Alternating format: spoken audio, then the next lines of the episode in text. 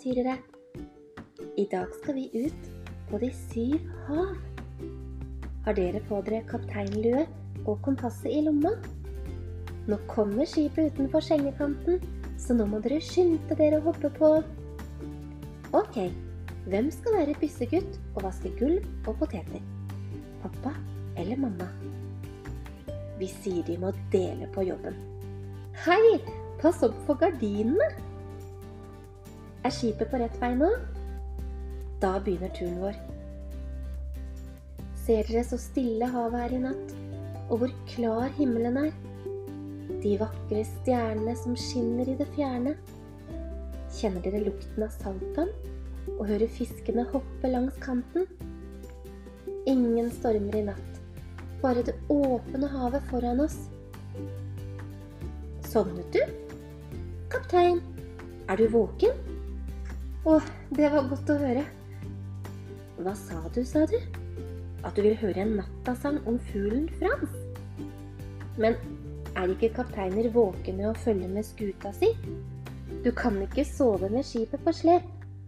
En kaptein må passe på skuta og få alle trygt hjem. Slite med seil og retning, så ingen kommer til feil havn. Men vi kan synge sammen, så vi ikke sovner. Fuglen Frans fløy over havet. Han ville ned til varme strøk.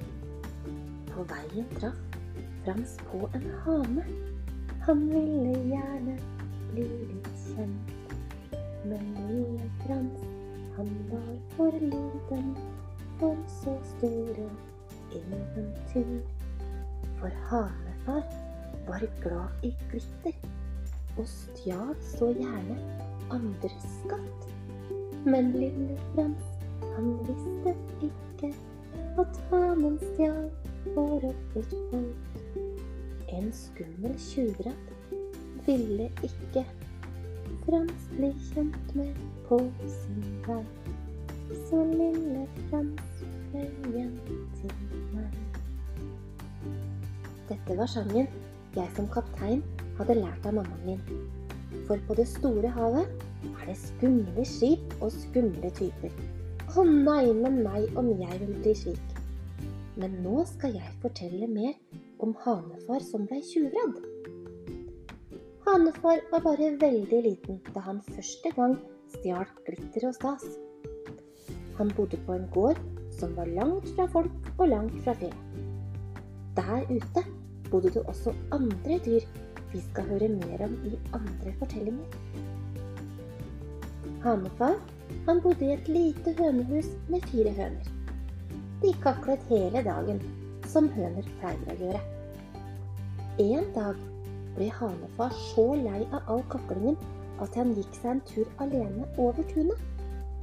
Der, midt på tunet, der sola strålte, glitret det så vakkert i gresset. Nei, men så glitrende stas, tenkte hanefar. Så vakkert fjas. Denne kan jeg henge rundt halsen. Så tenker jeg hønene vil kakle litt av meg.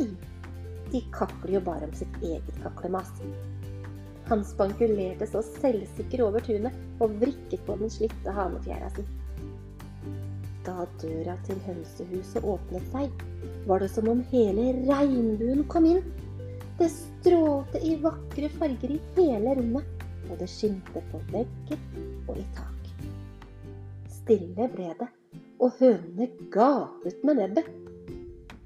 Hanefar, hva er dette for slags glitter og stas? Jeg fanget hele regnbuen, og nå er den bare min. Er jeg ikke flott og fjong? Kler den ikke fargene på halefjæra mi? Hønene ble helt forfjamset. Visste ikke hanefar hva en CD-plate var? Nå var den tredd nedover halsen hans, og neimen meg om han ville få av seg denne selv.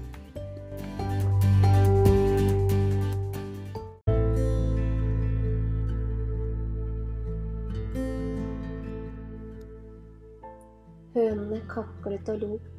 Nå ventet det skjønn fra bonden. Hva ler dere av? sa hanefar. Nei, vi er bare glad på dine vegne, vi, hanefar sa den ene høna. Du har jo fanget hele regnbuen. Det ble skumring, og bonden tråkket over tunet. Hønene kaklet og lo, for de visste hva som ventet Hanefar nå. Da døra gikk opp, kunne bonden se de vakre fargene i tak og på vegger. Han så seg rundt og fant Hanefar med diskolys rundt halsen. Sliten og oppgitt. Neimen, Hanefar, hva slags sprell har du funnet på i dag, da? spurte bonden. Hanefar så ned. Han ville jo bare bli lagt merke til av de kaklende hønene. Bonden tok forsiktig tak i Hanefar og fikk løsnet CD-platen. Han hengte den opp i taket, så fargene spraket i rommet. Ja, du er en liten kunstner du, Hanefar. Det var en god idé med litt farger inn i hønsehuset. Ikke alle er som deg og tenker på slikt, Hanefar. Men du tok en sjanse der, sa bonden oppgitt. Du kunne blitt skadet, lille venn. Og den CD-platen var heller ikke din. Den har Kråkefar stjålet fra samlingen min. Kråkefar må ha mistet den på tunet. Hanefar lærte noe viktig denne dagen. Han ville ikke såre den snille bonden, men midt i fjas om oppmerksomhet så glemte han helt bort hva som var rett og galt. Han glemte helt hvor godt han hadde det på gården.